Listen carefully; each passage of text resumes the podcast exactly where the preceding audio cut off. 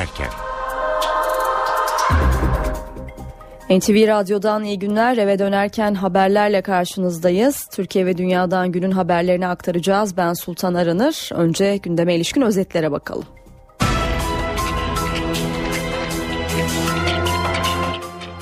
Amerika Suriye'de IŞİD'i vurmaya devam ediyor ve görünen o ki hava operasyonları uzun soluklu olacak.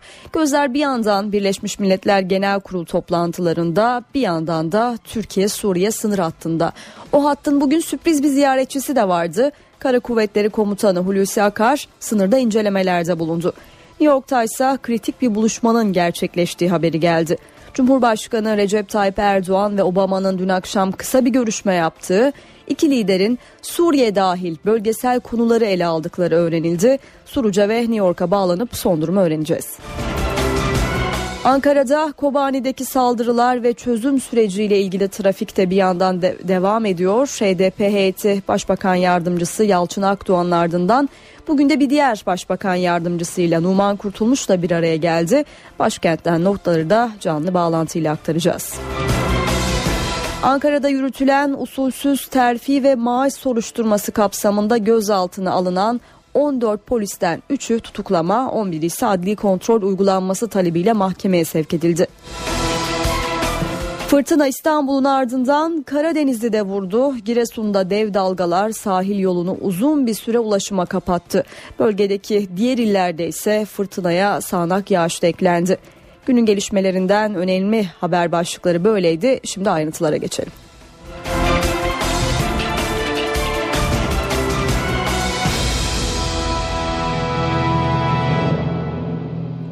Amerika IŞİD saldırılarını yoğunlaştırdı dedik. Türkiye Suriye sınır hattında hareketlilik ilk günlere göre azalsa da halen devam ediyor.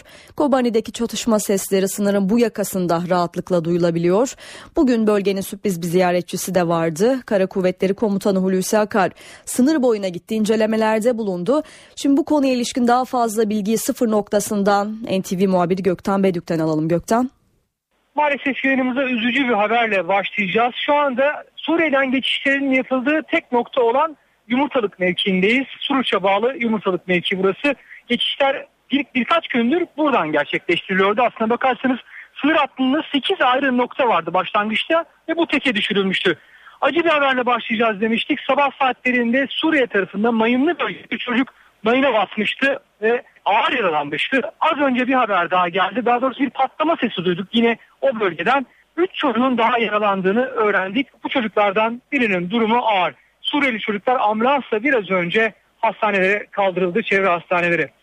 Evet, e, Kobani'nin karşısı oluyor burası. Kobani Suriye'nin e, bir kenti. E, Kobani kenti günlerdir IŞİD kuşatması altında ve Türkiye'ye en çok göçün olduğu, en yoğun göçün yaşandığı son 4 gündür en yoğun göçün yaşandığı yerde işte Kobani ve köyleri.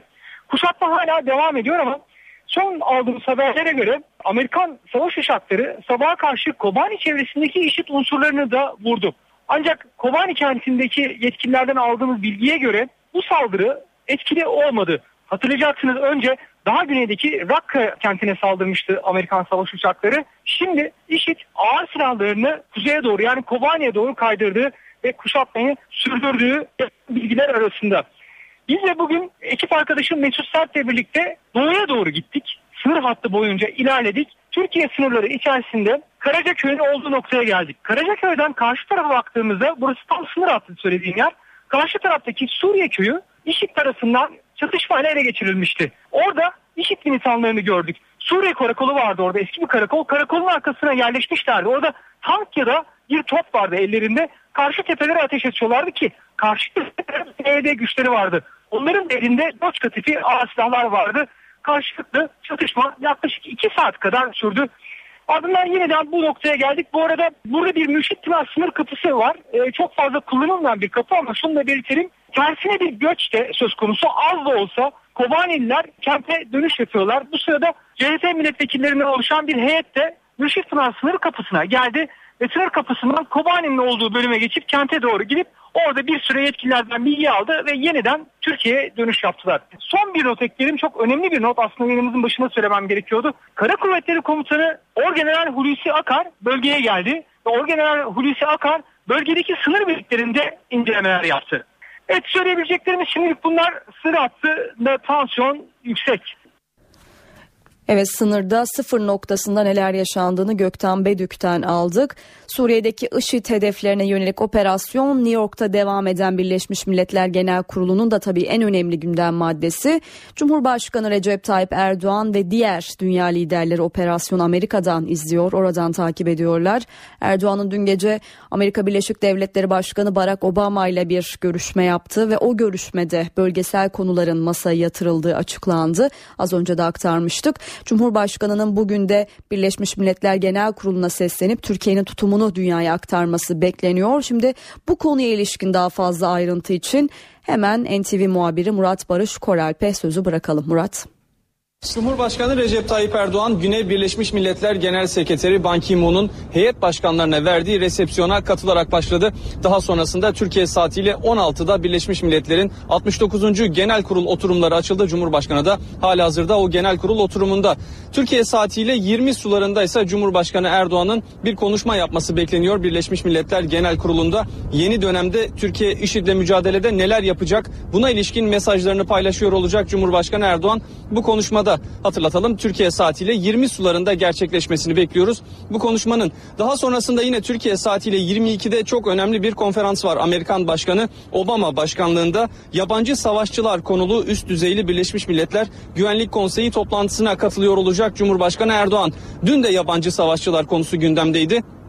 İki Dışişleri Bakanı'nın yaptığı görüşmede Kerry ile Çavuşoğlu'nun yaptığı görüşmede de yabancı savaşçılar konusu gündeme geldi ve Dışişleri Bakanı Mevlüt Çavuşoğlu 75 ülkeden binin üzerinde savaşçıyı Türkiye'nin sınır dışı ettiği bilgisini bu toplantıda verdi. Bu toplantılardan sonra bu görüşmelerden sonra Cumhurbaşkanı Erdoğan'ın programı bitmeyecek. Lübnan Başbakanı ile bir görüşme planlanıyor. Daha sonrasında ise Tunus Cumhurbaşkanı ile Cumhurbaşkanı Recep Tayyip Erdoğan'ın bir görüşme yapması planlanıyor. Kısaca günün özetini böyle toparlayabiliriz. İstanbul'dan Şanlıurfa'nın Suruç ilçesine gitmek isteyen HDP'lilerle polis arasında gerginlik çıktı. Polis muayenesi olmayan otobüsü bağlayarak grubun yola çıkmasına izin vermedi. Bir grup HDP'li Dolapdere'den otobüsle Suruç'a gitmek istedi. Aracı muayenesi olmadığını belirten polis ekipleri dediğimiz gibi otobüsü bağladı. Bunun üzerine bir gerginlik çıktı. HDP üyeleri polisin otoparka çekmek istediği otobüsün önünde durarak ilerlemesini engelledi. Eylemciler daha sonra HDP il binasına yürümek istedi. Polis de yolu kapatmadan yürümelerine izin verdi ancak grup yolda yürümeye devam edince polis önlerini kesti. Eylemciler kaldırımdan yürüyerek HDP il binasına gitti. Kobani'deki gelişmeler ve çözüm sürecinin seyri konusunda başkentte bir toplantı yapılıyor. İmralı'da Abdullah Öcalan'la görüşme trafiğini yürüten HDP heyeti Başbakan Yardımcısı Numan Kurtulmuş'la bir araya geldi. Bu buluşmaya dair notları alalım şimdi. NTV muhabiri Miray Aktağ Uluç'tan Miray. Başbakan Yardımcısı Numan Kurtulmuş Halkların Demokrasi Partisi heyetini ağırladı ve o heyeti ağırlarken basın mensuplarının gündeme ilişkin sorularını da yanıtladı. Türkiye'nin tampon bölge talebi ve IŞİD'e karşı oluşturulacak koalisyonda askeri operasyona katılıp katılmayacağı bu sorular yöneltildi Numan Kurtulmuş'a. Kurtulmuş da verdiği yanıtta 150 bin kişinin sınırdan geçiş yaptığını söyledi. Son dönemde Kobani'deki saldırıların ardından Suriye ve Irak topraklarındaki karışıklığın bunun nedeni olduğunu belirten Numan Kurtulmuş işin bir mülteci yanı var bir de ülke güvenliği ile ilgili tarafı var dedim. Her iki konuyla ilgili olarak da Türkiye'nin en kötü senaryoya göre güvenliğini tehlikeye atmayacak şekilde çalıştığını ifade etti. ve Görüşlerimizi bu yönde ortaya koymaya çalışıyoruz dedi Numan Kurtulmuş yaptığı açıklamada. Askeri operasyondan daha önemlisi dedi siyasal sonucun bulunmasıdır. Karışıklığı sona erdirecek siyasal sonuç bulunmalıdır dedi Numan Kurtulmuş açıklamasında ve bu siyasi sonucun bulunabilmesi için bütün halkların katılımının eksiksiz yapılması gerekir. Türkiye bunları tek başına çözemez, tek başına çözeceği bir mesele değildir. Ancak Türkiye'nin güvenliğini sağlamak için gerekli adımlarda atılacaktır ifadelerini kullandı. Çözüm süreciyle ilgili olarak da e, özellikle HDP cephesinden gelen kısa bir süre içerisinde adımların atılması yönündeki talepleri değerlendirdi Numan Kurtulmuş. Bir günlük meseleyi çözmeye çalışmıyoruz. 90 yıllık sorunun çözülmesiyle ilgili bir konu konuşuyoruz dedi. Üç irade yan yana gelmeli siyasi irade dedi. e, ve bunun yanı sıra halkların destek vermesi önemli dedi. Çözüm sürecini bitirmeye kararlı olduğunu ifade etti hükümetin ve kamuoyu tarafından oluşmuş bir realiteyle de karşı karşıyayız bir destek var dedi bu iradelerle ilgili olarak ama sadece silahların bırakılması yetmez. Siyaset tehdit altında yapılmamalı yol kesme olmamalı, şehirlerdeki tehditler olmamalı dedi. Ee, ve bu arada Pervin Buldan'a da tezkereler soruldu. Tezkerelerle ilgili partisinin tavrının ne olacağı soruldu. Pervin Buldan da verdiği yanıtta genel kurula gelen tezkerelere hayır oyunu kullanacaklarını açıkladı. Bu görüşmede görüşme başladı. Halen devam ediyor. Gelişmeleri aktarmayı sürdüreceğiz. Başbakan Yardımcısı Yalçın Aktuğan Ankara'da medya kuruluşlarının temsilcileriyle bir araya geldi. Aktuğan Türkiye'nin IŞİD'le mücadeledeki yerinden tampon bölgeye, tezkereden sınır güvenliğine kadar birçok sıcak başlığı değerlendirdi. Cumhurbaşkanı Recep Tayyip Erdoğan IŞİD'e karşı operasyonlarda Türkiye'nin desteği askeri, siyasi her şeyi kapsayacak dedi. Askeri destek nasıl olacak sorusuna Başbakan Yardımcısı Yalçın Akdoğan yanıt verdi. Farklı yöntemlerle askeri operasyonun içinde yer alabilirsiniz. Askeri destek kurşun sıkmak anlamına gelmiyor. İstihbarat desteği, lojistik desteği gibi yöntemlerle askeri operasyonun içerisinde olunabilir. Bu ne olmalıdır, ne kadar olmalıdır? Bunlar bir takım değerlendirmeler neticesinde verilebilecek kararlardır. Akdoğan sığınmacılar ve sınır güvenliği açısından işbirliğine ihtiyacı olan tarafın Türkiye olduğuna dikkat çekti. Ama pazarlık anlayışıyla hareket edilmediğini söyledi. Daha kapsamlı bir işbirliği gerekliliği anlaşılıyor ama Türkiye psikolojik operasyonlarla harekete geçmez dedi. Cumhurbaşkanının sözleri teröre karşı ortak mücadele hassasiyetini yansıtmaktadır. Bu işbirliğinin önemini yansıtmaktadır. Türkiye'nin buna açık olduğunu yansıtmaktadır. Cumhurbaşkanının Amerika Birleşik Devletleri'nde ikna edilmesi söz konusu değildir. Akdoğan tampon bölgenin amacının savunma kalkanı değil, insani amaçlı bir güvenli bölge oluşturmak olduğunu söyledi. Suriye sınırındaki gerilimi değerlendirdi. 140 bin Kürdü kabul etmişsiniz ama birileri sürekli gerilim üretiyor. Aysel Tuğluk taş atıyor. Bu nasıl nankörlüktür? Siyasetçi taş atar mı? Akdoğan hazırlanacak tezkerelerin tek bir terör örgütünü değil, farklı örgütleri kapsayabileceğini söyledi. Çözüm sürecinin başarıyla ilerlediğini açıkladı. Asayiş olayları kırılganlık yaratıyor. Eylemsizliğe bunlar da dahil edilmeli dedi. Amerika Birleşik Devletleri'nin tek hedefi IŞİD değil, El-Kaide'nin uzantısı yeni nesil El-Kaide diyebileceğimiz Horasan adlı örgüt de Pentagon hedefinde. Bu örgüt için IŞİD kadar tehlikeli deniliyor. Bir süredir gözümüz bu örgütün üzerinde Avrupa'ya ya da Amerika Birleşik Devletleri'ne yönelik saldırı hazırlığı içerisinde olduğunu düşünüyoruz. Bu saldırılar için batılı cihatçıları örgüte kattığını saptadık. Bu örgütün derdi Beşar Esad'la ya da Suriye halkıyla değil, batıyla. Pentagon, Suriye'nin kuzeyinde vurduğu El-Kaide uzantılı Horasan grubunu bu sözlerle anlatıyor. Adını Pers İmparatorluğundaki Antik Horasan kentinden alan örgüt, 11 Eylül saldırılarının mimarı El-Kaide'nin deneyimli isimlerinden oluşuyor. Örgüte ABD'nin başına 7 milyon dolar ödül koyduğu Usame Bin Laden'in komutanlarından Kuveyt doğumlu 33 yaşındaki Muhsin El Fadli liderlik ediyor. Örgüt IŞİD sayesinde Suriye'nin kuzeyinde kendine güvenli bir alan yaratmayı başarmış. Ancak Horasan'ın hedefi IŞİD'den farklı.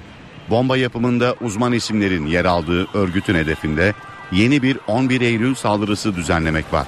Örgütün temel amacının IŞİD'e katılmak üzere Suriye'nin kuzeyine giden batılı ülkelerin pasaportuna sahip cihatçıları bünyesine katmak olduğu belirtiliyor.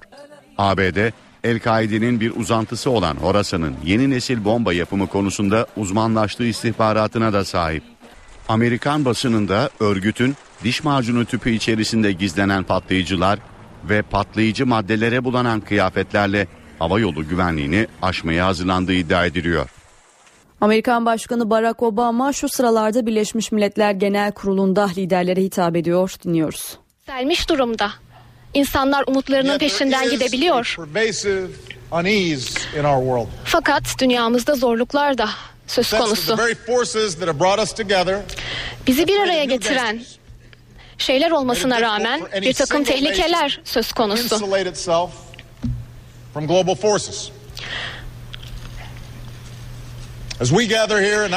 Bizler burada toplanırken Ebola salgını Batı Afrika'yı kasıp kavuruyor ve sınırların ötesine geçmeye devam ediyor bu salgın. Avrupa'da Rusya'nın saldırganlığı büyük devletlerin küçük devletlere baskı yaptığını gösterdi. Toprakların peşinden gittiğini gösterdi. Suriye'de ve Irak'ta teröristler bizi karanlık zamanlara sürüklüyor.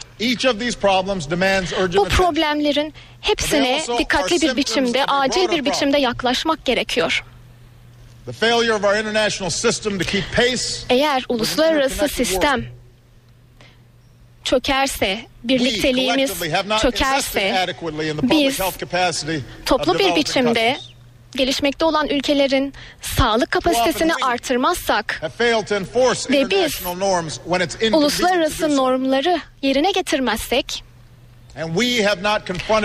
ve biz eğer hoşgörüsüzlüğün, mezhep çatışmasının üstesinden gelmezsek, aşırısızlığı, aşırılığın üstesinden gelmezsek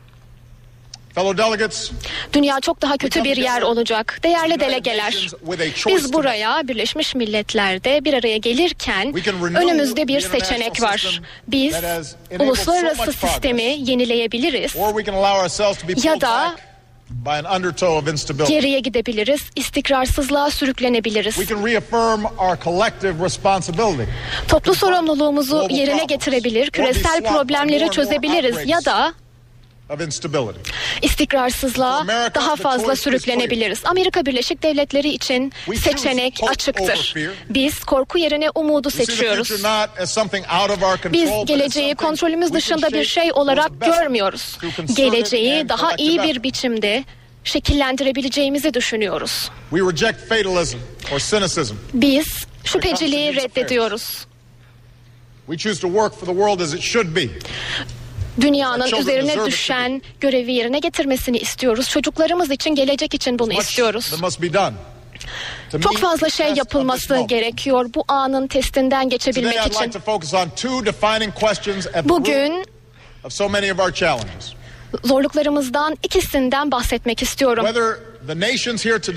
Bugün burada bir araya gelen uluslar Birleşmiş Milletler'in kurucu değerlerini yerine getirecek mi?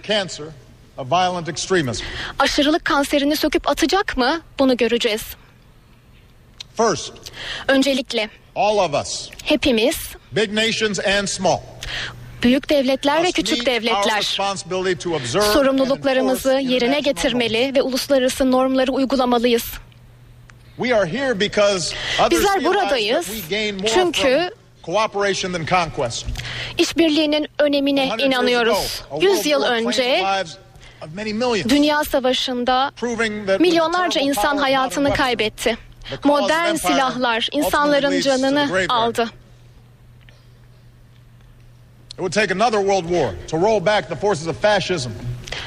Faşizmin üstesinden genildi. Irkçılık bir kenara bırakıldı ve Birleşmiş Milletler her ulusun güvenliğini garanti altına aldı. Yakın zamanda Rusya'nın saldırganlığı bu normlara karşı geldi. Ukrayna'da büyük gösteriler düzenlendi, reform istendi ve yönetim değişti. Kiev hükümetine karşı Kırım ilhak edildi. Rusya Ukrayna'nın doğusunu karıştırmaya devam ediyor ve çatışmada binlerce kişi hayatını kaybetti bugüne kadar Ukrayna'da. Bir uçak düşürüldü o alanda ve günlerce uçağın düştüğü alana girilemedi. Ukrayna yeniden o bölgenin kontrolünü eline almak istediğinde Rusya devreye girdi. This is a vision of the world in which might makes right. Dünyada gücün doğru olduğunu gösteren bir yaklaşım bu ama biz bunu kabul etmiyoruz. Medeni devletler sorunların üstesinden bu şekilde gelemezler. America stands for something different. Amerika Birleşik Devletleri farklı değerleri savunuyor. Biz doğrunun gücü getirdiğini düşünüyoruz. Büyük devletler küçük devletlere baskı uygulamamalı. İnsanlar kendi geleceklerini kendileri belirleyebilmeli. Bunlar basit doğrular. Fakat savunulmaları gerekiyor.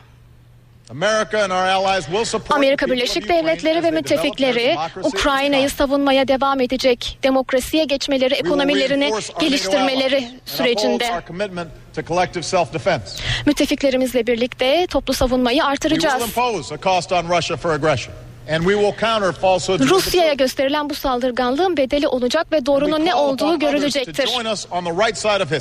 Diğerlerini de bütün ulusları da bizim tarafımızda olmaya, tarihin doğru tarafında olmaya çağırıyoruz.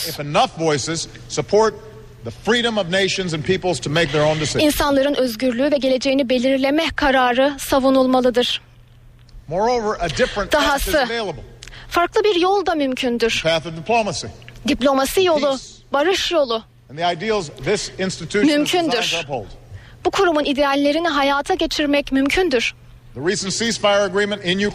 Ukrayna'daki ateşkes anlaşması bu hedeflere ulaşmak için bir ilk adımdır.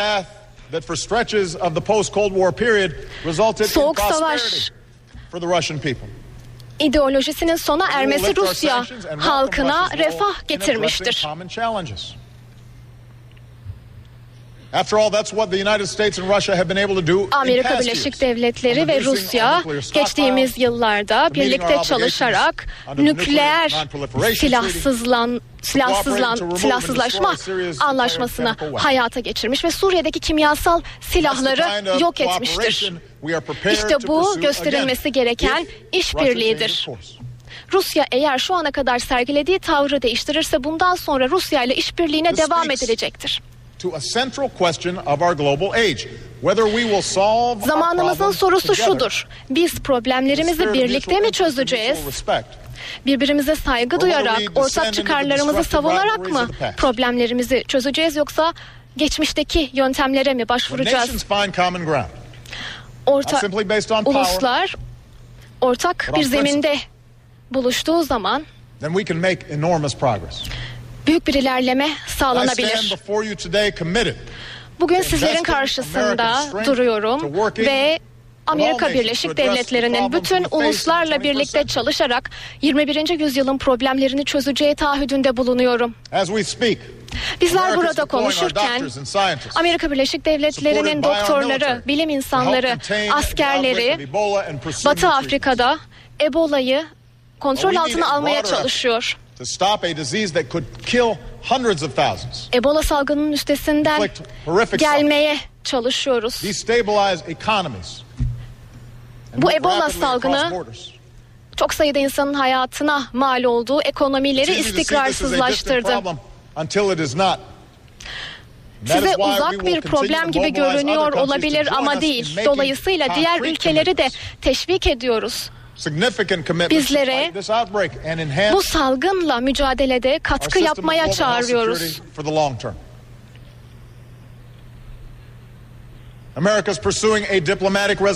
Amerika Birleşik Devletleri. İran'ın nükleer problemi konusunda diplomasi yolunu seçti. Bizler dünyada barışın İransız olabileceğini düşünmüyoruz. Place if Iran seizes this historic opportunity. İran'ın bu tarihi fırsatı yakalaması gerekiyor. Benim İranlı liderlere ve İran halkına mesajım açık. Do not let this opportunity pass. Bu fırsatı kaçırmayın. We can reach a solution that meets your energy needs Enerji ihtiyaçlarınızı karşılayabilir. Aynı zamanda dünyaya programınızın barışçıl olduğunu gösterebilirsiniz. America is and will continue to be a Pacific Amerika. Birleşik Devletleri bir Pasifik gücü olmayı sürdürecek, istikrar ve barışın peşinden gidecek, serbest ticareti destekleyecek. Fakat buradaki sınır problemlerinin uluslararası hukuk çerçevesinde çözülmesi gerekiyor. Asya Pasifik'in bu şekilde gelişmesi ve ilerlemesi gerekiyor. Amerika Birleşik Devletleri'nin bir kalkınma gündemi var. 2030. 2030'a kadar yoksulluğun üstesinden gelmeyi hedefliyoruz. İnsanların. Gıdaya ulaşmasını aynı zamanda tedavi görebilmesini istiyoruz. Çocuklarımızın hayatın sunduğu fırsatlardan onurlu bir biçimde yararlanmasını istiyoruz. Amerika Birleşik Devletleri aynı zamanda karbon salınımını azaltıyor, temiz enerjiye geçiyor. Bizler bu sorumluluğu yerine getirirken gelişmekte olan ülkeler de üzerine düşen sorumluluğu yerine getirmeli. By every major power. That's how we can protect this planet for our children. Ancak bu şekilde dünyamızı koruyabilir ve çocuklarımıza, words, onların issue çocuklarına issue, temiz bir gezegen bırakabiliriz. a rule book written for a different century.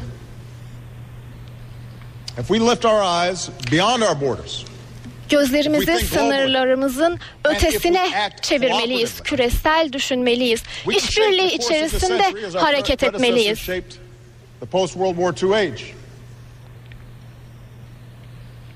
But as we look to the future, Geleceğe one bakarken issue risks a cycle of conflict bir konu var ki that could derail so much progress. çok fazla ilerlemeyi tersine çevirebilir. Bu da aşırılık kanseridir. Müslüman dünyayı tehdit etmekte olan aşırılık kanseridir bu Of course, tehdit. is not new. Terörizm tabii ki yeni bir şey değil. Assembly, Kennedy çok açık bir biçimde söylemişti. Terörizm yeni bir silah değil. Tarih boyunca kullanıldı demişti terörizm için. In the 20th century, terror was used by all manner of 20. groups. yüzyılda terörizm birçok gruplar tarafından kullanıldı. Fakat bu yüzyılda çok daha ölümcül, çok daha ideolojik bir terörizmle karşı karşıyayız. Dünyanın en önemli dinlerinden bir tanesini kötüye kullanıyorlar. Teknolojiyle birlikte bu gruplar çok büyük zarar getirebilirler. Dünyayı. İkiye bölüyorlar. innocent civilians as possible. Sivilleri, masum vatandaşları öldürüyorlar. Vahşi metotlarla insanları korkutup bastırmaya çalışıyorlar. Ben açık bir şekilde söyledim. Amerika dış politikasının hepsini terörizmle mücadeleye ayırmayacak. Aksine, El-Kaide ve yanlısı örgütlerin üzerine gidecek. Onların güvenli alanlarını yok edecek demiştim. Amerika Birleşik. Devletleri İslam'la savaş halinde değil. Bunu hep söyledik, yine söylüyoruz. İslam barış dinidir. Müslümanlar onurlu insanlardır. Adalet duygusuyla yaşayan insanlardır. Amerika ve İslam konusuna gelince us, because biz siz millions of ayrımı yoktur. Milyonlarca. Müslüman Amerikalı bizim ülkemizin önemli bir parçasıdır. Biz medeniyetler çatışması fikrini reddediyoruz. Belief in permanent religious war is the misguided refuge of extremists. Aşırılık fikrini reddediyoruz. Bu aşırılar hiçbir şey üretemezler. Sadece nefret ve fanatiklik yaratırlar. Ve şunu söylemek abartı olmaz. İnsanlığın geleceği bizi bir araya gelmemize bağlıdır. Farklılıklarımızı, dini farklılıklarımızı, mezhepsel farklılıklarımızı bir kenara bırakmaya bağlıdır. Bunlar sadece sözde kalmamalıdır. Toplu bir biçimde somut adımlar atarak bu dini fanatiklerin üzerinden gelmeliyiz. Dahası. Aşırılık karşıtı bu kampanyayı devam ettirmeliyiz ve güvenliği yeniden sağlamalıyız. El-Kaide'yi Afganistan'da yendik ve Afganistan'da şu anda yeni bir hükümet kuruluyor. Şimdi aşırı ideolojiler farklı yerlerde kendilerine no bulmaya çalışıyorlar.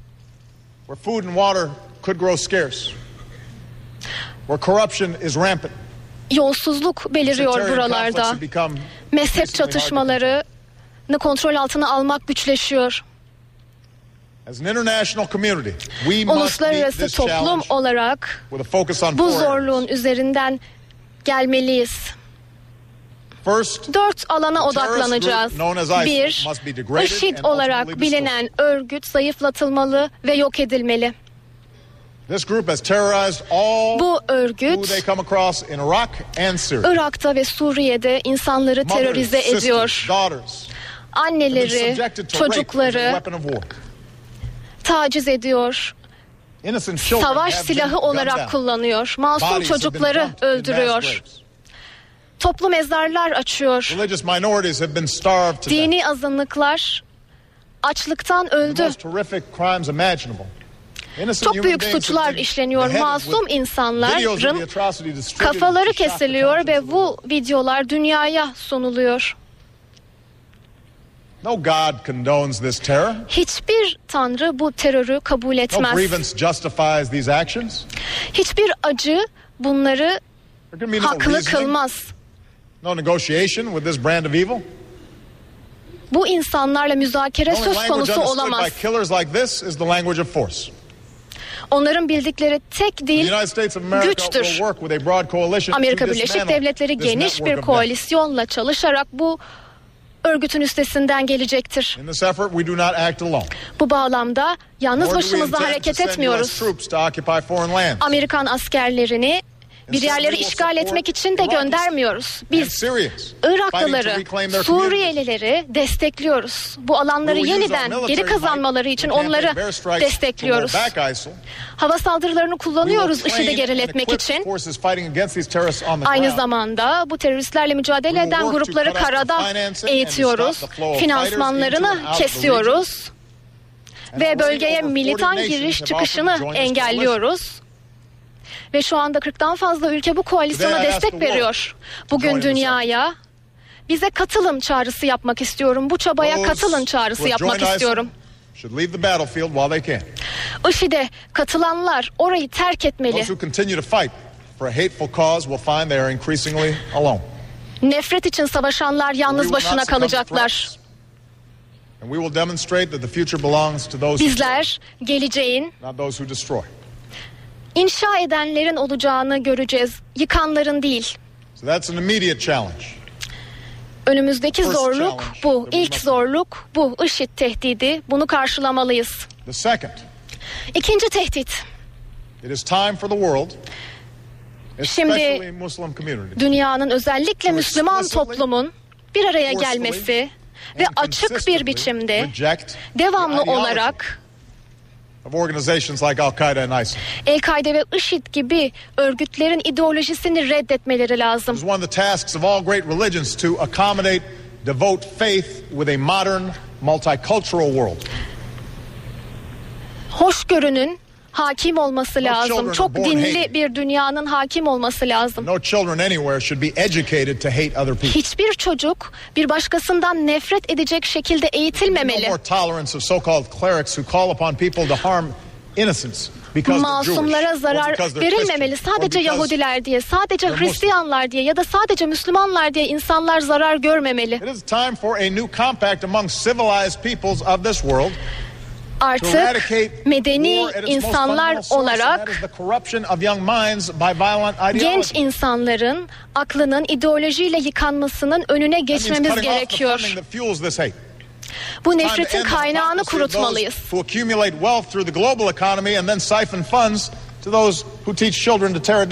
Çocukların yıkıma sürüklenmesine engel olmalıyız. Bu bağlamda finansman kaynaklarını kesmeliyiz. internet ve sosyal medya bu bağlamda önem taşıyor. Propaganda yapılarak genç insanlar savaşa sürükleniyor. İntihar eylemcisi olmaya sürükleniyor. Bizim bir alternatif yaratmamız lazım. It means bringing people of different faiths together. Farklı özellikteki insanların bir araya gelmesi lazım. by extremists from within at some point. Bütün dinler aslında aşırılık tehdidiyle karşı karşıya. Bütün dinlere mensup insanların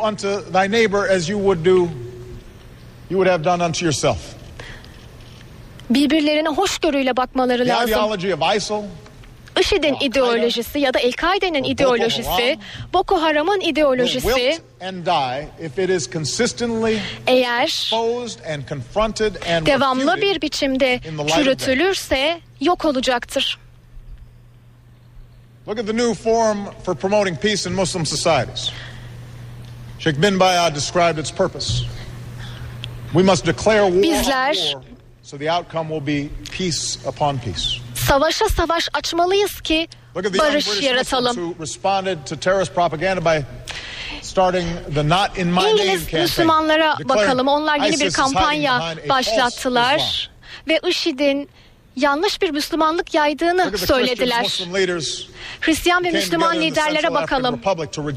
Onlar Orta Afrika Cumhuriyeti'nde bir araya "Politics geldiler. Ve Dinin kendilerini bölemeyeceğini, nefret kaynağı ya da savaş kaynağı olamayacağını söylediler. Bugün Birleşmiş Milletler Güvenlik Konseyi bir araya gelecek ve aşırılığa But nasıl karşı gelineceğini değerlendirecek. Somut adımlar atmamız gerekiyor. Sorumlu davranmamız gerekiyor. Önümüzdeki yıl announce the concrete steps that we have taken to counter Hepimizin buraya geldiğimiz zaman aşırılık karşısında neler yaptığımız konusunda attığımız somut adımları söylememiz gerekiyor. Stopping radic- radicalization before it spreads. Radikalleşmeyi yayılmadan önce durdurmalıyız. programs That build new bridges of understanding. Anlayış köprüleri inşa etmeliyiz. Third, Üçüncü tehditten bahsedeceğim şimdi. Öncelikle şiddet sarmalını, özellikle mezhep çatışmalarını durdurmalıyız ki teröristler buna çok fazla odaklanıyor. There's nothing new about wars within religions. Dinler arası savaş yeni bir şey değil. Hristiyanlık içerisinde de yıllar boyunca çatışmalar yaşandı. Bugün Müslüman toplumu içerisinde şiddet söz konusu ve bu çok büyük acılara neden oluyor. Şimdi-.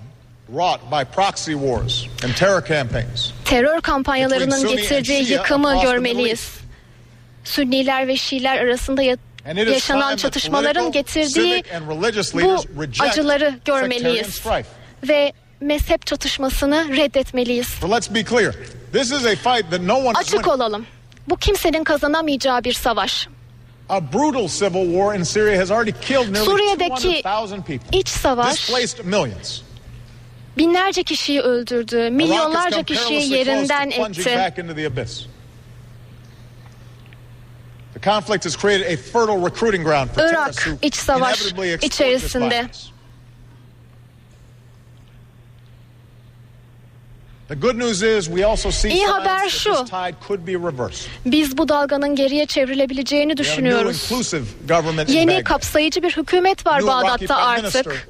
Yeni bir. Irak başbakanı var ve komşuları başbakanla çalışıyor. And these steps must be followed Bu by a broader adımların devam etmesi gerekiyor. Nowhere is this more necessary than Syria.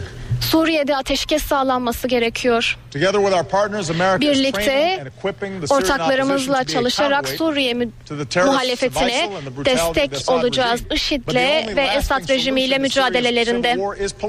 Fakat Suriye'deki krize çözüm ancak siyasi olabilir.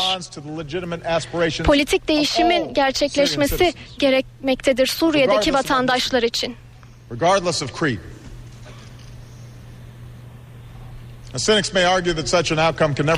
Şüpheciler asla böyle bir şeye erişilemeyeceğini söyleyebilirler. Fakat bu deliliğin sona ermesi başka şekilde mümkün görünmüyor. And it points to the fact that it's time for a broader negotiation Şimdi müzakereleri daha kapsamlı hale getirmek lazım bölgede. Büyük güçler farklılıklarını barışçıl bir biçimde masaya koymalı. Fakat bu silahla olmamalı, masada olmalı. Amerika Birleşik Devletleri bölgeye müdahiliyetini sürdürecek ve bu çabalara destek verecek. Ve son madde, The dördüncü madde Arap ülkeleri kendi potansiyellerinin farkına varmalı. Özellikle gençler. Burada özellikle Müslüman dünyadaki gençlere seslenmek istiyorum. Siz çok büyük, harika bir gelenekten geliyorsunuz ve siz çok akilsiniz. Cahil değilsiniz. Siz inovasyondan yanasınız, yıkımdan değil. Siz onurlu insanlarsınız. Sizi bu yoldan saptırmaya çalışanlar yanlış yapıyorlar. demonstrated that when young people have the tools to succeed, good schools, İyi okullar olursa, eğitim olursa, matematik eğitimi olursa, girişim sağlanırsa toplumlar gelişir. So America will partner with those that promote Amerika. Birleşik Devletleri bu vizyonun arkasında olacaktır ve destekleyecektir. Kadınlar Ekonomiye, siyasete katılmalı. Ancak bu şekilde toplumlar daha başarılı olur. Dolayısıyla kadınların parlamentoya girmesini, barış sürecine dahil olmasını istiyoruz. Okullara gitmesini, eğitime dahil olmasını istiyoruz. Eğer genç insanların tek seçimi Aşırılık olursa hiçbir terör stratejisi başarılı olamaz. Fakat. Sivil toplumun gelişmesine izin vermek lazım. İnsanların fikirlerini barışçıl bir biçimde özgürce ifade etmesi lazım. Ancak bu şekilde teröre alternatif yaratılabilir. Böyle olumlu değişiklikler yapmak için illa dine karşı gelmek gerekmiyor, geleneğe karşı gelmek gerekmiyor.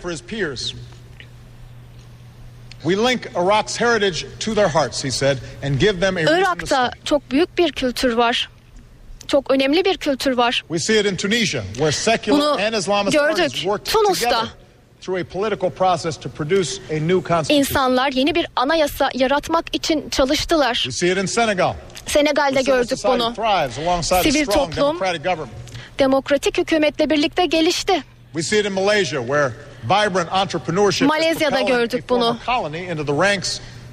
Eski koloni gitti ve şimdi yeni bir ekonomi söz konusu. And we see it in Indonesia. where what Endonezya'da gördük bunu.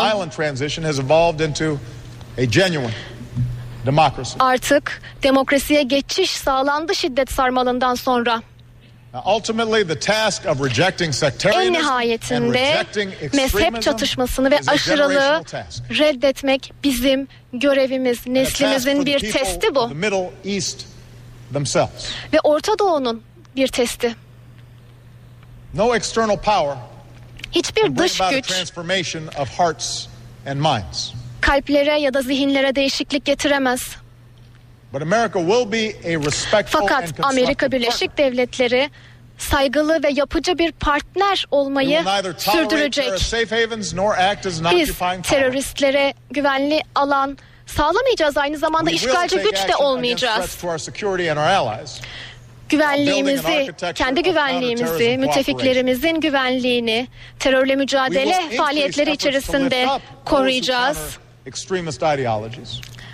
Aşırı ideolojiye karşı geleceğiz ve mezhep çatışmasının üstesinden gelmeye çalışanlara destek olacağız ve girişimleri destekleyeceğiz. Sivil toplumu, eğitimi, gençleri destekleyeceğiz. Çünkü bu yatırımlar şiddete en iyi alternatiftir. Aynı zamanda. Filistin-İsrail arasındaki anlaşmazlığın çözümü için liderlik önemli.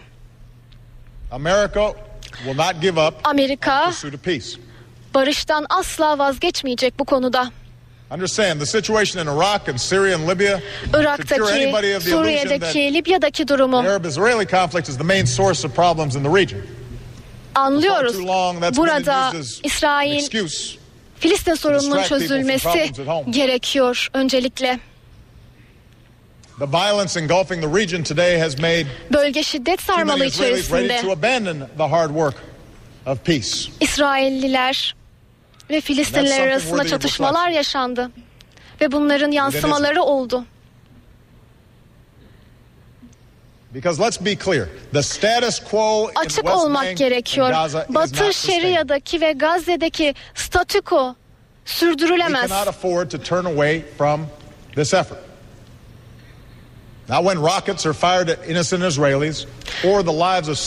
İsraillilere roket gelmesi ya da Filistinli çocukların öldürülmesi kabul edilemez Gazze'de.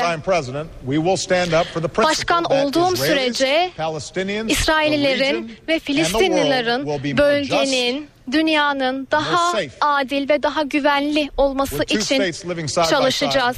İki. Devletin yan yana barış ve güvenlik içerisinde yaşaması gerekiyor. Amerika Birleşik Devletleri üzerine düşeni yapmaya hazır. Tehditlerin üstesinden gelmeye hazır.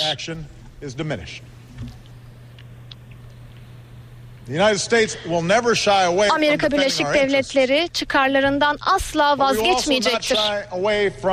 Aynı zamanda.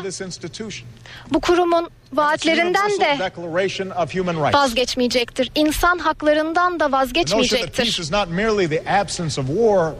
Barış sadece savaşsızlık değildir. Daha iyi bir hayatın varlığıdır. Amerika Birleşik Devletleri'ni eleştirenlerin bizim ideallerimize bağlı olup olmadığımızı sorguladığını görebiliyorum.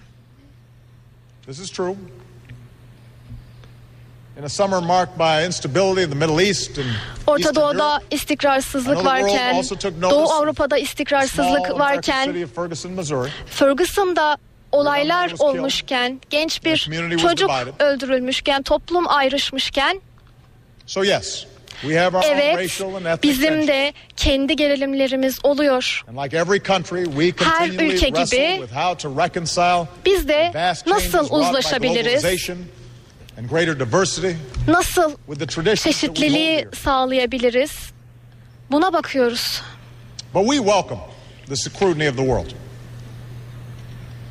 Because what you see in America is a country that has steadily worked Amerika Birleşik. Devletleri'nde problemlerimizin altında neler var? Bunları değerlendiriyoruz. to bridge the divides Farklılıkların üstesinden gelmeye çalışıyoruz. America is not the same as it was 100 years Amerika Birleşik Devletleri 100 ago or yıl 50 years ago öncesiyle aynı değil ya da or even a decade 50 ago. yıl öncesiyle ya da 10 yıl öncesiyle aynı durumda değil. Çünkü biz ideallerimizin peşinden gidiyoruz ve kendimizi eleştiriyoruz, eksiklerimizi eleştiriyoruz.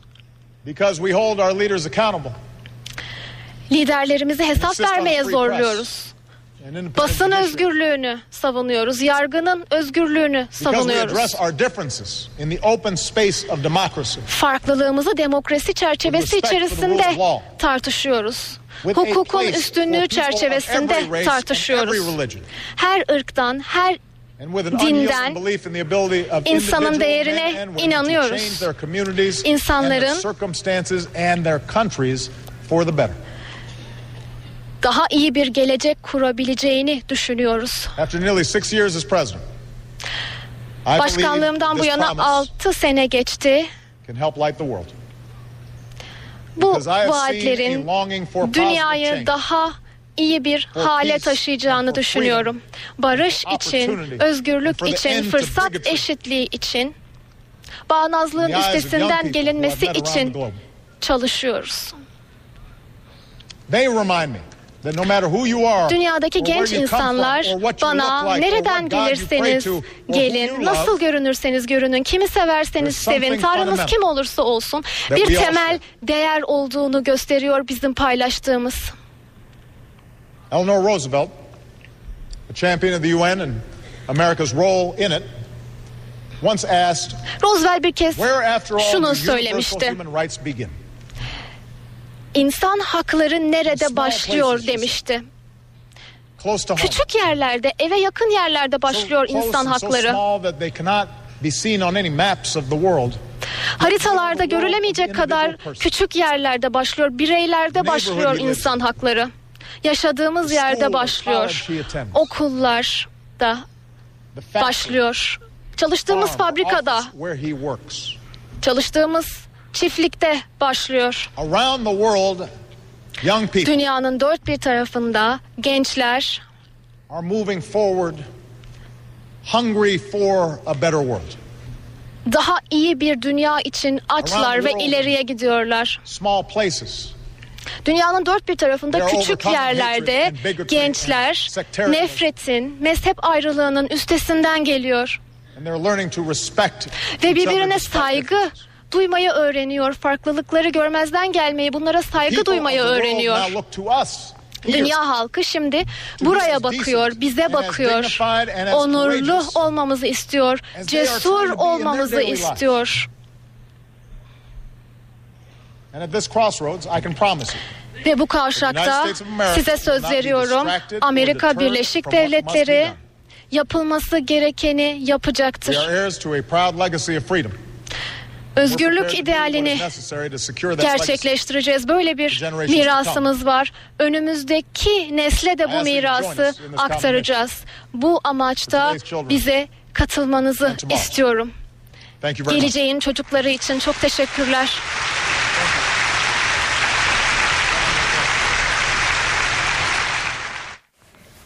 Amerikan Başkanı Barack Obama'yı dinledik. Birleşmiş Milletler Genel Kurulu'nda liderlere hitap etti. Gündeminde birçok konu vardı ama ağırlıklı olarak IŞİD konusuna değindi diyelim. Şimdi piyasa rakamlarına bakalım.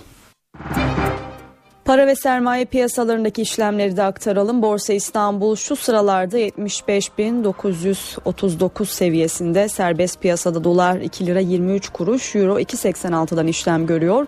Kapalı çarşıda ise Cumhuriyet altını 591, çeyrek altın 143 liradan satılıyor. İstanbul trafiğindeki son durumu aktaracağız. Boğaziçi Köprüsü ile başlayalım. Avrupa'dan Anadolu'ya geçişlerde yoğunluk Çağlayan'dan başlıyor ve köprüyü geçtikten sonra Altunizade'ye kadar aynı yoğunluk devam ediyor. Ters istikamette Anadolu'dan Avrupa'ya geçişlerde ise herhangi bir yoğunluk yok şu an itibariyle. Fatih Sultan Mehmet Köprüsü'nde ise Avrupa'dan Anadolu'ya geçişlerde yoğunluk Akşemsettin Viyadüğü'nden başlıyor. Köprü geçtikten sonra Elmalı'ya kadar da aynı yoğunluk devam ediyor. Anadolu'dan Avrupa'ya geçişlerde ise Elmalı'dan köprüyü geçene kadar trafik yoğun. Eve dönerken devam ediyor. Saat 18 eve dönerken haberlere devam ediyoruz. Türkiye ve dünyada günün öne çıkan haberlerini aktarıyoruz. Amerika Suriye'de IŞİD'i vurmaya devam ediyor. Amerikan Başkanı Barack Obama az önce Birleşmiş Milletler Genel Kurulu'na seslendi ve IŞİD'e operasyonlar sürecek dedi. Cumhurbaşkanı Recep Tayyip Erdoğan da ilerleyen saatlerde kürsüye çıkacak ve IŞİD'le mücadele konusunda Türkiye'nin tutumunu dünya liderlerine aktaracak. Gözler bir yandan da Türkiye Suriye'nin sınır hattında sınır boyunca bugün sürpriz bir ziyaretçi de vardı. Kara Kuvvetleri Komutanı Hulusi Akar bölgede incelemeler yaptı. Ankara'da Kobani'deki saldırılar ve çözüm süreciyle ilgili trafik devam ediyor. HDP heyeti Başbakan Yardımcısı Numan Kurtulmuş da bir araya geldi. Kurtulmuş IŞİD saldırılarından kaçarak Türkiye'ye sığınan Suriyelilerin sayısının 150 bine ulaştığını açıkladı. Başbakan yardımcısı çözüm süreciyle ilgili de başarıyla tamamlanacağını düşünüyorum ancak yol kesme, araç yakma gibi eylemler son bulmalı dedi. Ankara'da yürütülen usulsüz terfi ve maaş soruşturması kapsamında gözaltına alınan 14 polisten 3'ü tutuklama, 11 ise adli kontrol uygulaması talebiyle mahkemeye sevk edildi. Fırtına İstanbul'un ardından Karadeniz'i de vurdu. Giresun'da dev dalgalar sahil yolunu uzun süre ulaşıma kapattı. Bölgedeki diğer illerde ise fırtınaya sağanak yağış eklendi. SGK tebliğ değişikliğine gitti. Sürekli ilaç kullanması gereken hastalar artık ilaçlarını doktor muayenesinin ardından yazılan yeni reçeteyle alabilecek. Ayrıntılara geçelim şimdi.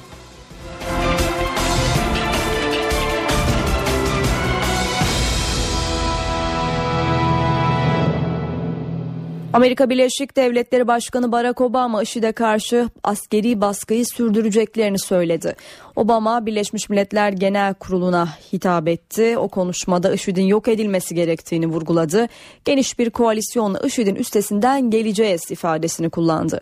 Barack Obama IŞİD'in saflarına katılanlara ayrılabiliyorken cepheden ayrılın çağrısı da yaptı. Obama ülkesinin İslam'la savaş halinde olmadığının altını çizdi. Amerikan Başkanı mezhep çatışmasının önüne geçilmesi gerektiğini de belirterek açık konuşalım bu kimsenin kazanamayacağı bir savaş ifadesini kullandı.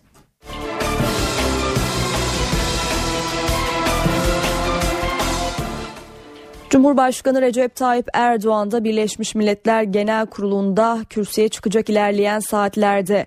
Erdoğan'ın vereceği mesajlar da tabii büyük önem taşıyor. Cumhurbaşkanının IŞİD konusunu dün gece Amerikan Başkanı Barack Obama ile birebir görüşmede masaya yatırdığının haberi de geldi. Şimdi hem bu konuyla ilgili hem Cumhurbaşkanı'nın ilerleyen saatlerde yapacağı açıklamayla ilgili ayrıntıları alalım. NTV muhabiri Murat Barış Koralp'ten Murat. Dün gece saatlerinde Türkiye saatiyle 03 sularında Obama ile Erdoğan görüşmesi ayaküstü de olsa gerçekleşti.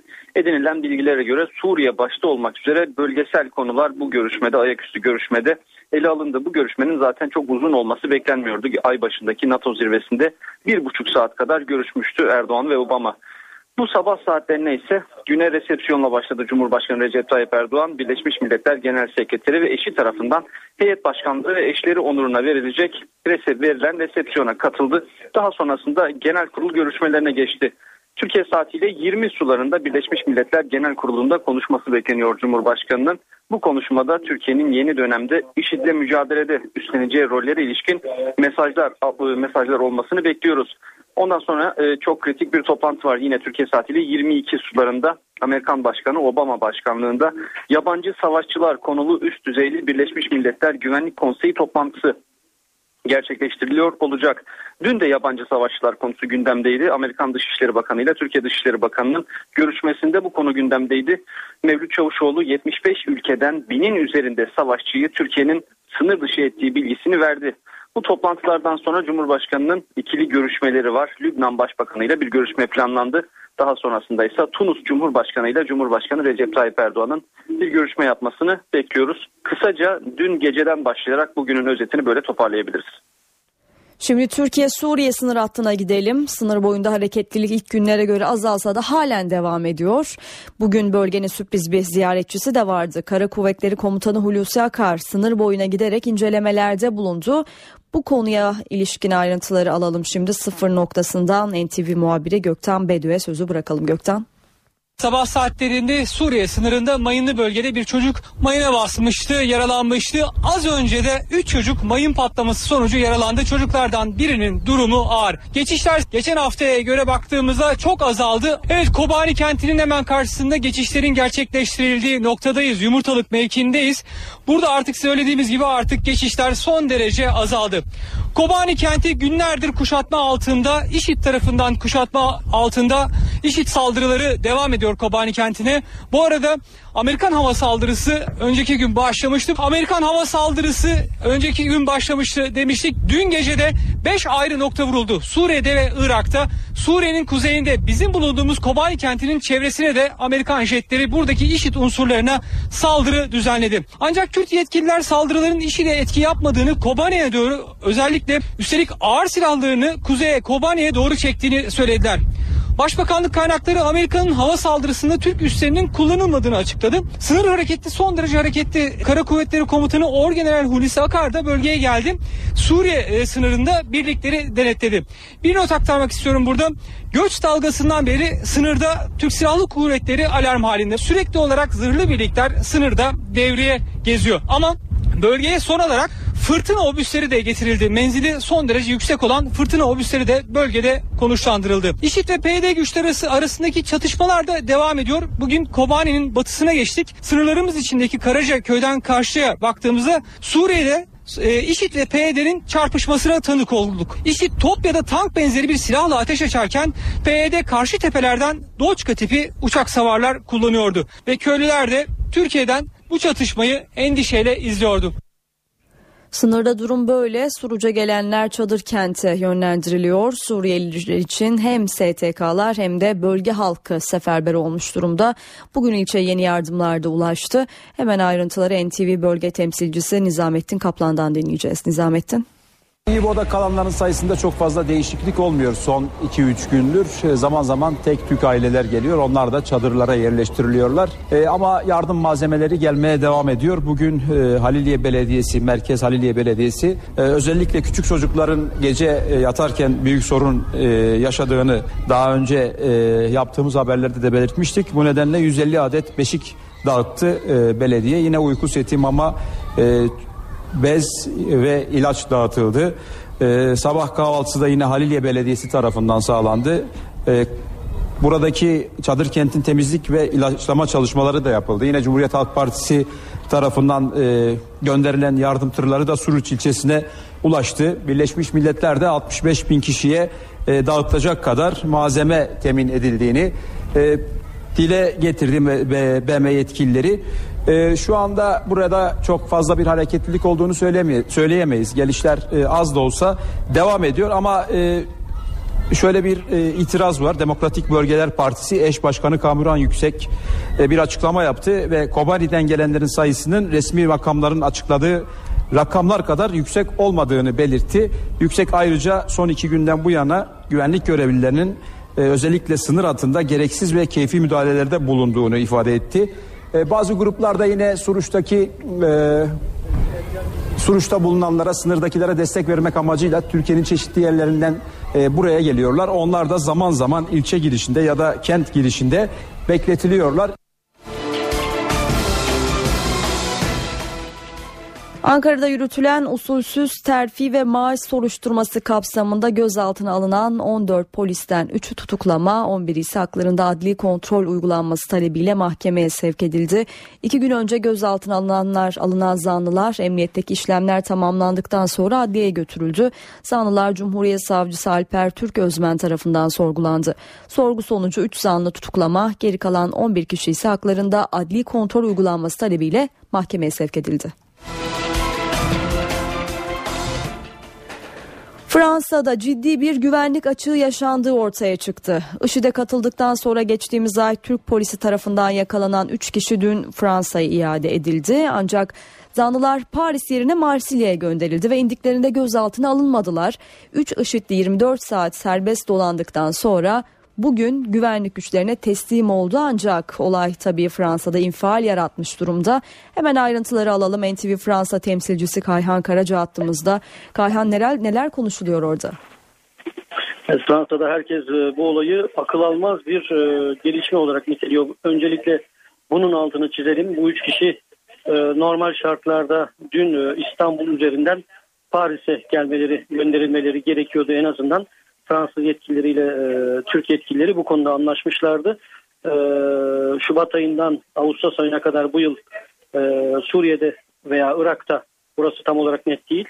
E, IŞİD saflarında e, savaşmış bu üç genç 24, 27 ve 29 yaşlarındaki üç genç e, Ağustos ayı sonlarında Türk polisi tarafından tutuklanmışlardı. E, dün de e, iade edilmeleri gerekiyordu Fransa'ya. Ee, ancak e, İstanbul'daki e, iade işlemleri sırasında bir sorun çıktığı söyleniyor. Henüz bu resmi bir söylem değil. En azından Türkiye tarafından doğrulanmış resmi bir söylem değil. Fransız yetkililer e, uçağın bu üç kişinin bilmesi gereken uçağın pilotunun e, iade işlemleriyle ilgili belgeler tam, tam olarak kendisine verilmediği için gerekçesiyle bu üç kişiyi uçağa almaktan son anda vazgeçtiğini söylüyorlar. Ardından da Türk polisinin bu üç kişiyi Paris'e değil e, Marsilya'ya giden bir uçağa bindirdiği belirtiliyor. Yalnız e, yine Fransız İçişleri Bakanlığı'nın versiyonuna bakacak olursak bu üç kişinin e, Marsilya'ya gönderilmesi konusunda Türk makamları Fransız meslektaşlarını bilgilendirmemişler. Dolayısıyla bu üç kişi Marsilya'ya geldiklerinde bunları bekleyen yoktu hava yolları hava, hava havalimanında e, ama daha da e, e, işin işi trajik trajik komik kılan e, konu bu üç kişi daha önceden e, terör suçundan mahkum olmuş olsalar da Fransa'da e, fişlenmiş olsalar da e, pasaport kontrolünden ellerini kollarını sallaya sallaya geçtiler. E, IŞİD saflarında e, savaşmış o, olduklarının bilinmesine rağmen Fransa'ya çok rahatça girebildiler. Hatta e, girdikten sonra radyo ve televizyonlardan Fransa'ya Paris'e e, gönderildiklerini ve Paris'te e, gözaltına alındıklarını duyduklarını e, bilhassa kendileri e, Fransız televizyonuna bağlanarak telefonda söylediler. Zira işin üçüncü e, ilginç boyutu da burada zaten e, Fransız İçişleri Bakanlığı daha bu üç kişi Fransız topraklarına ayak basmadan yani Marsilya'ya gelmeden bir basın açıklaması yayınlayıp Fransız basınına dağıtıp bu üç kişinin geldiğini Paris Orly Havalimanı'na ve gözaltına alındığını söyledi. Bu da inanılmaz bir şey. Dolayısıyla dün bütün öğleden sonra bu üç kişinin e, Fransa'ya getirildiğine dair haberler flash olarak Fransız basında belir, yayıl, yazıldı, çizildi, verildi. Ancak akşam saatlerinde olay tam olarak ortaya çıktı ki bu, bu üç kişi basına konuştuktan sonra e, elbette e, tahmin edilebileceği gibi e, skandal yaratmış durumda Fransız bu olay. E, öncelikle medya tabii olayı çok büyük gördü. Dün akşamdan beri görüyor. Fransa'da bir numaralı gündem maddesi dün akşamdan bu yana. Fransız İçişleri Bakanlığı ve Savunma Bakanlığı açıklama yapmak zorunda kaldılar ve suçu Türk makamlarının üzerine attılar. Üstü kapalı da olsa e, bu üç kişinin Marsilya'ya gönder, gönderildiğinden e, Fransa'nın haberdar edilmediğini ve sorunun buradan kaynaklandığını söylüyorlar. Fransız Savunma Bakanı böyle bir açıklama yaptı. Bu açıklama İçişleri Bakanı tarafından öğleden sonra başlarında doğrulandı. Hatta Fransa İçişleri Bakanı Bernard e, bugün öğleden sonra Türkiye İçişleri Bakanı Efkanala ile bir görüşme yapacağını ardından da önümüzdeki günlerde Türkiye'ye gideceğini söyledi. E, biraz önce Fransız e, Ulusal Meclisi'nde genel kurulda e, Fransa'nın terörle mücadelesi konulu bir oturum vardı. Bu oturum sırasında Başbakan Manuel Valls söz aldı ve o da e, bu olayda bir sorun yaşandığını ve e, İçişleri Bakanlığı'nın Türk makamlarıyla bu konuyu görüşüp bir daha bu böyle e, sorunlar yaşamaması için önlemler alınmasını isteyeceğini söyledi bildirdi. Hemen hatırlatayım söz konusu 3 kişi de öğle saatlerinde kendi inisiyatifleriyle e, bir jandarma karakoluna gidip teslim oldular ve ardından da e, bir terörle mücadele hakiminin karşısına çıkarılıp gözaltına alındılar. Bunu da hatırlatayım. Yani e, Fransız topraklarında 24 saat boyunca ellerini kollarını sallaya sallaya e, serbestçe dolaşabildiler. E, tartışma devam ediyor. E, büyük olasılıkla önümüzdeki günlerde de devam edecek ve e, e, ama şunu da hatırlatayım. E, Türkiye'nin versiyonu bu konuda çok merak ediliyor. Türkiye henüz bu konuyla ilgili bir açıklama yapmış değil.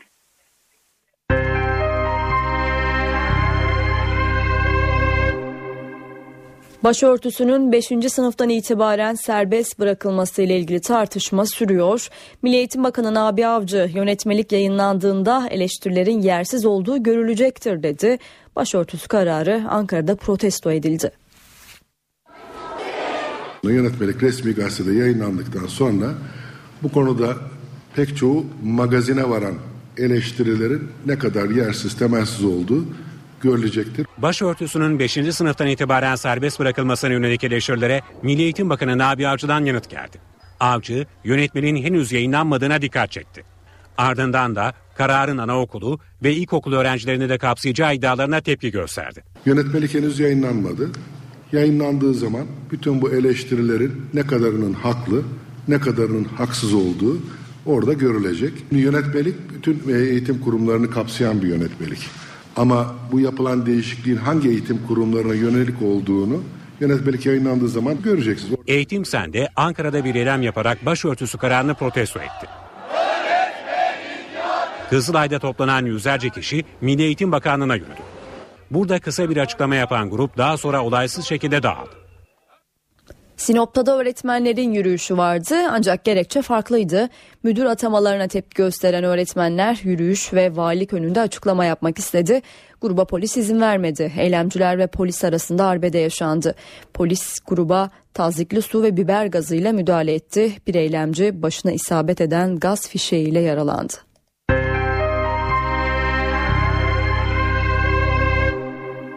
Karadeniz bölgesinde fırtına etkili oluyor. Giresun'da dev dalgalar nedeniyle sahil yolu uzun süre ulaşıma kapalı kaldı. Bölgedeki diğer illerde ise fırtınaya sağanak yağış eklendi. Karadeniz sahil yolu saatlerce kapalı kaldı. Giresun'da fırtına nedeniyle 6 metreyi bulan dalgalar oluştu. Liman sahasından sanayi sitesine kadar 4 kilometrelik alan suyla kaplandı. Sahil kesimindeki iş yerleriyle bazı kamu binalarını su bastı. Park halindeki araçlar sürüklendi. Sabah saatlerinde ulaşıma kapanan yol suyun tahliye edilmesinin ardından yeniden açıldı. tırlar, araçlar savrulmuş. Paket gibi. Yoldaki bütün bu yapışlar, ağaçlar sökülmüş durumda. Bütün makinelerimiz telakkuzda bütün her tarafı temizlemek ve onarmakla işe başladılar. Twitter hesabından afetin fotoğraflarını paylaşan Giresun Belediye Başkanı Kerim Aksu, 5 yıldır bu riskin olduğunu söyledi ve Karadeniz sahil yolunun hatalı yapıldığını savundu. Rize'de de sağanak etkiliydi. Çamlıhemşin Ardeşen karayolu heyelan nedeniyle kapandı. Zonguldak'ta şiddetli rüzgar nedeniyle 3 metreyi bulan dalgalar oluştu. Sahildekiler tehlikeye aldırmadan dalgaların sürüklediği odunları topladı. Sakarya'nın sahil kesiminde de şiddetli yağış ve fırtına etkiliydi. Geyve'nin iki köyünde ağaçlar devrildi, evlerin çatıları uçtu. Meyve ve sebze bahçeleri zarar gördü. İstanbul'da dün etkili olan şiddetli rüzgar sonrası ciddi kazalar meydana gelmiş. Taksim'de otel inşaatı çökmüştü. Oysa bunun üzerine birkaç basit önlemle geçilebilirdi. NTV muhabiri Yağız Şenkal, afet uzmanı ve iş güvenliği uzmanı Erdinç Günay ile konuştu. Önce yelken gibi şişti, sonra rüzgarın etkisiyle bağlı olduğu tahtaları kopardı. Birkaç basit önlemle önüne geçilebilecek olay İstanbul Taksim'de 10 kişiyi yaraladı. Yola bir cisim düşmemesi için alınan bir güvenlik tedbiri, doğru bir tedbir. Branda gerilmişti ama eksik bir tedbirdi. Çünkü binanın arka cephesi ise açık. Açık olduğu için de tersten gelen rüzgar brandayı aynı yelkenin kanatlarını doldurması gibi şişirdi. Oysa dev perdede yeterince delik olsaydı rüzgar o yerlerden geçebilecek ve kaza yaşanmayacaktı. Bir şehirde eğer sizin başınıza reklam panosu düştüğü için ya da bir üst geçin üstünden geçerken dampere açık bir kamyon çarptığı için ya da dün olduğu gibi böyle bir reklam panosu yine yerine düşüp de sizi zedeliyor ise eğer bu şehirde bir problem var demektir. İki problem var. Bir tanesi işverenler gerekli iş sağlığı ve güvenliğine uymuyorlar. İki denetlenmiyorlar efendim. Tehlike tam anlamıyla geçmiş değil. Çünkü rüzgarla beraber bazı paravanlar uçtu. Bazı paravanlar yerinde kalmasına rağmen parçalandı. O parçalanan paravanların sağlamlığı tartışmalı. Yerinden çıkmış halde duran çivilerin bunu tuttuğu gözüküyor. Yerinden çıkarsa uçup bizi zedelemesi, yaralaması Allah korusun çok daha kötü bir duruma gelmesi mümkün. Merter'de rüzgar sonucu inşaat perdeleri yola devrildi. Arabalar altında kaldı. Kaza yine çok ucuz atlatıldı. Şimdi para ve sermaye piyasalarındaki işlemlere bakalım. Borsa İstanbul günü 75.193 puandan tamamladı. Serbest piyasada dolar 2 lira 23 kuruş, euro ise 2.86'dan işlem gördü. Kapalı çarşıda Cumhuriyet altını 591, çeyrek altın 143 liradan satıldı. Şimdi kısa bir ara veriyoruz. Eve dönerken devam ediyor. Eve dönerken haberlere devam ediyoruz. Şimdi kısa bir haber turu yapalım. Amerikan Başkanı Barack Obama Birleşmiş Milletler Genel Kurulu'na seslendi ve IŞİD'e operasyonlar sürecek dedi. Cumhurbaşkanı Recep Tayyip Erdoğan da ilerleyen saatlerde kürsüye çıkacak ve IŞİD'le mücadele konusunda Türkiye'nin tutumunu dünya liderlerine aktaracak. Ankara'da Kobani'deki saldırılar ve çözüm süreciyle ilgili trafik sürüyor. HDP heyeti Başbakan Yardımcısı Numan Kurtulmuş'la bir araya geldi. Kurtulmuş, IŞİD saldırılarından kaçarak Türkiye'ye sığınan Suriyelilerin sayısının 150 bine ulaştığını açıkladı. Başbakan Yardımcısı çözüm süreciyle ilgili de başarıyla tamamlanacağını düşünüyorum ancak yol kesme, araç yakma gibi eylemler son bulmalı dedi. Ankara'da yürütülen usulsüz terfi ve maaş soruşturması kapsamında gözaltına alınan 14 polisten 3'ü tutuklama, 11'i ise adli kontrol uygulanması talebiyle mahkemeye sevk edildi. Fırtına İstanbul'un ardından Karadeniz'i de vurdu. Giresun'da dev dalgalar sahil yolunu uzun bir süre ulaşıma kapattı. Bölgedeki diğer illerde ise fırtınaya sağanak yağış eklendi. SGK tebliğ değişikliğine gitti. Sürekli ilaç kullanması gereken hastalar artık ilaçlarını kontrol muayenesinin ardından yazılan yeni reçeteyle alabilecek. Hindistan Mars'a uzay aracı gönderdi. Araç kızıl gezegenin yörüngesine girdi. 74 milyon dolara mal olan operasyon şu ana kadar yapılan gezegenler arası uzay görevlerinin en ucuzu oldu.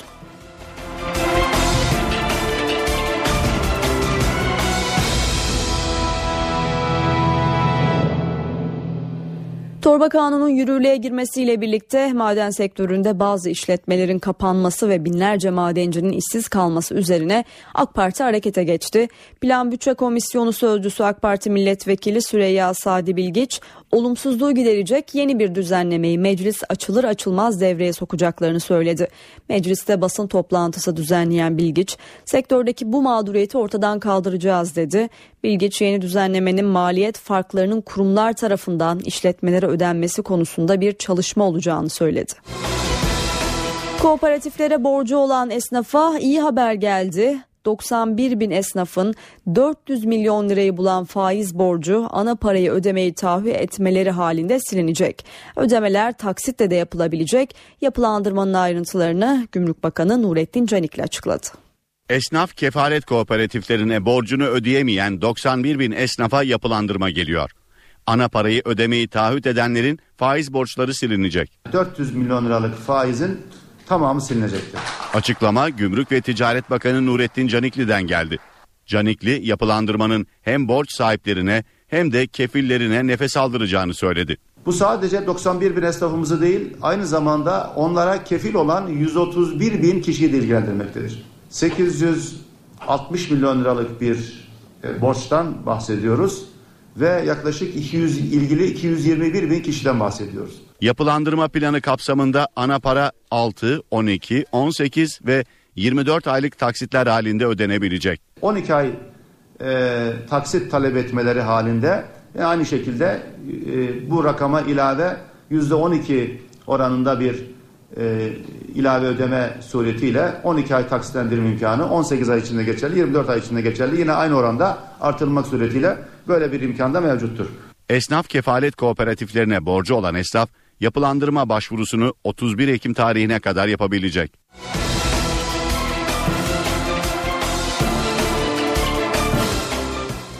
Ankara'da hayvan yetiştiricileri Kurban Bayramı öncesi eylemdeydi. İthal hayvan gelmesini istemiyoruz diyen eylemciler kıyafetlerini yaktı. CHP milletvekili Ensar Öğüt de onlara destek verdi. İthal hayvan tartışması kurban pazarına taşındı. Hayvan sahipleri tepkili. Özellikle de kararın kurban bayramı öncesine denk gelmesine. İthal hayvanı protesto ediyoruz. İthal hayvanın gelmesini istemiyoruz. Evet. Doğru mu? CHP Ardahan Milletvekili Ensar Öğüt de hayvan sahiplerine destek için Ankara'da bir kurban pazarına gitti. İthal hayvan getirdiği zaman bu insanları öldürüyor. Bizim buradaki amacımız köylümüz, çiftçimiz getirmiş olduğu kurbanlığı ucuz şekilde vatandaşa versin. Öğüt, protesto için kıyafetlerini yakan hayvan sahiplerine kravatını yakarak destek verdi. Ankara'daki su polemiğiyle devam edelim. Oturduğu apartmanın bulunduğu sitede kaçak su kullanıldığı gerekçesiyle ASKİ'nin 28 bin lira para cezası kestiği CHP milletvekili Aylin Nazlı Aka'dan açıklama geldi. Nazlı Aka kullandıkları kuyu suyuyla ilgili olarak daha önce ASKİ'ye başvurduklarını ama yanıt alamadıklarını söyledi. Bizim sitenin suyu kaçak falan değildir. Ama kaçak olan bir şey varsa o da Ankara'nın Büyükşehir Belediye Başkanı'dır.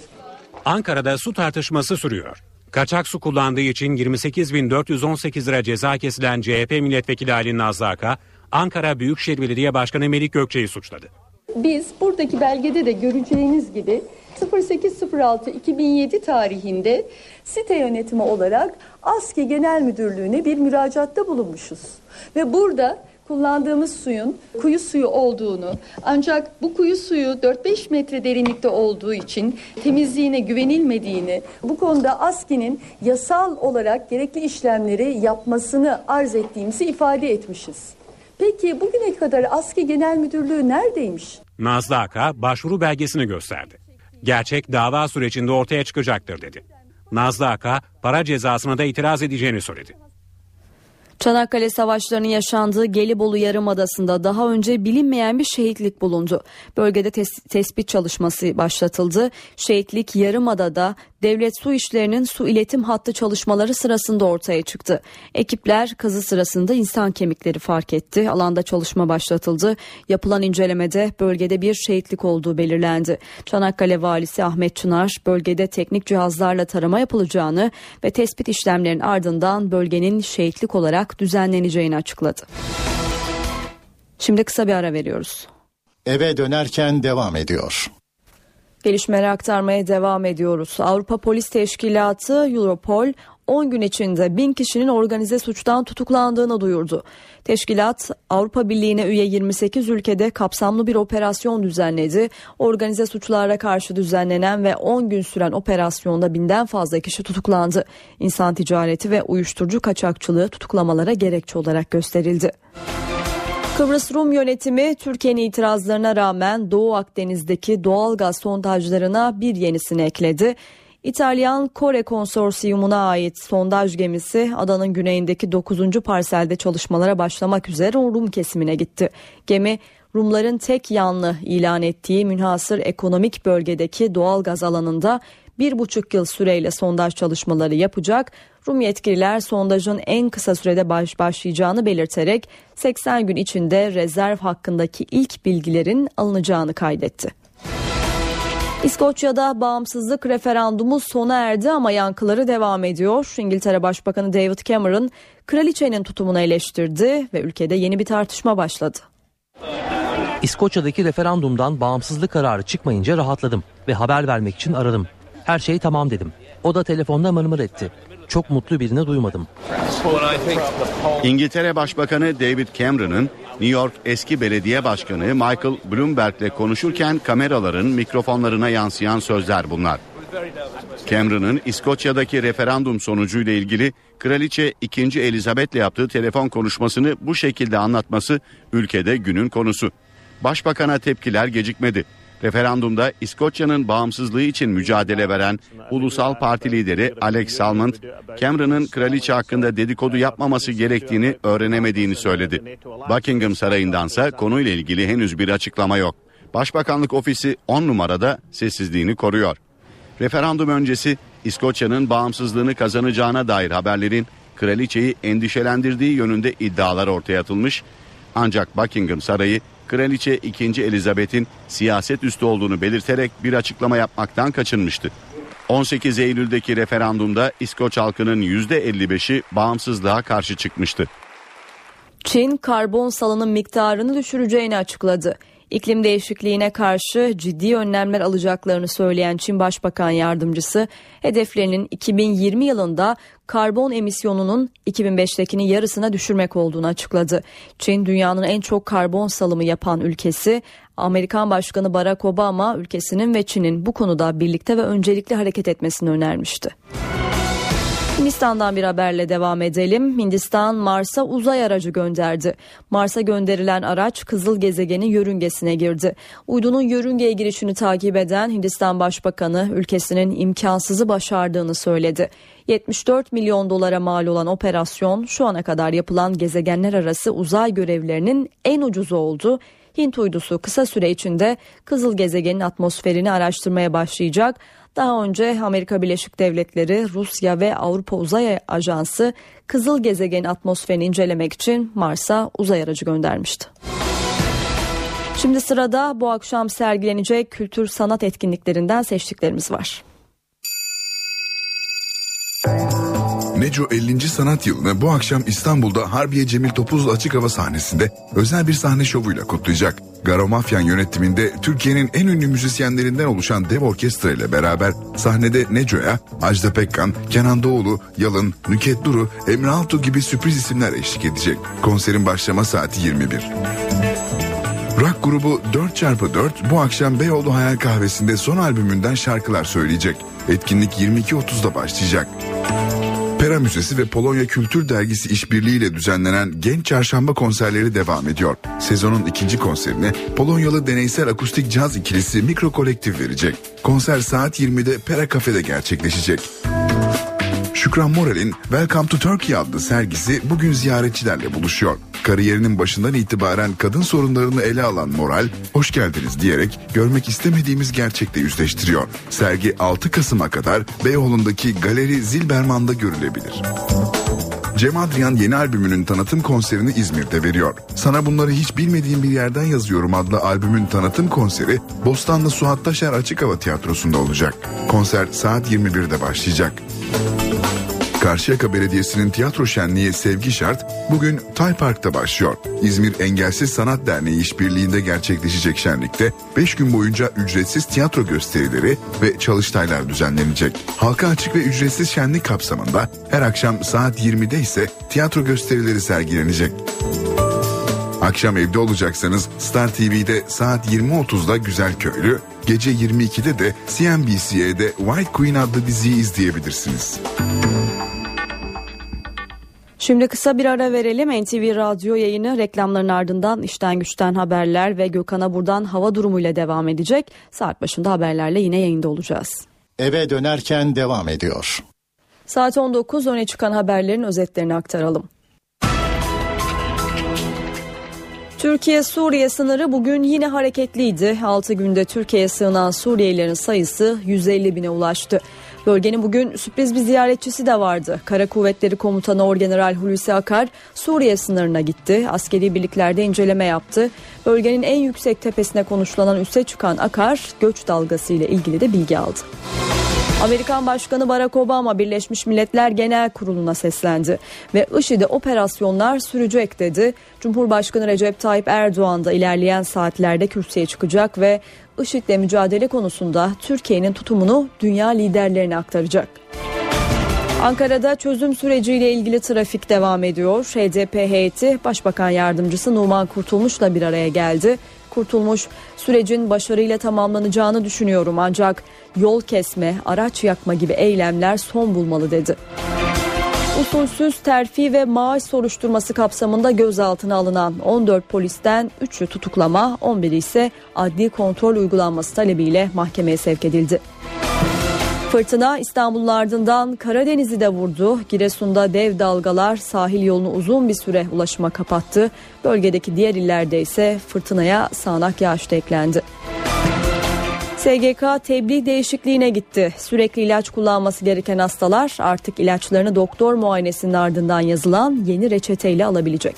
Şimdi İstanbul trafiğindeki köprülerdeki son durumu aktaralım. Boğaziçi Köprüsü'nde Avrupa'dan Anadolu'ya geçişlerde yoğunluk Çağlayan'dan başlıyor. Köprü geçtikten sonra Altunizade'ye kadar da devam ediyor. Ters istikamette Anadolu'dan Avrupa'ya geçişlerde ise köprü girişinde ve köprü üzerinde kısa süreli bir yoğunluk var. Fatih Sultan Mehmet Köprüsü'nde ise Avrupa'dan Anadolu'ya geçişlerde yoğunluk Akşemseddin Viyadüğü'nden başlıyor ve köprü geçtikten sonra Elmalı'ya kadar da yoğunluğun sürdüğünü söyleyelim. Anadolu'dan Avrupa'ya geçişlerde ise Elmalı'dan köprüyü geçene kadar trafik yoğun. Eve dönerken haberlerin sonuna geldik. Ben Sultan Arınır, editör Sevan Kazancı, teknik masada İsmet Tokdemir. İyi akşamlar diliyoruz. NTV Radyo yayını kısa bir aradan sonra Cem Dizdar ve Gürcan Bilgiç'in Çift Forvet programıyla devam edecek. İyi akşamlar. NTV Radyo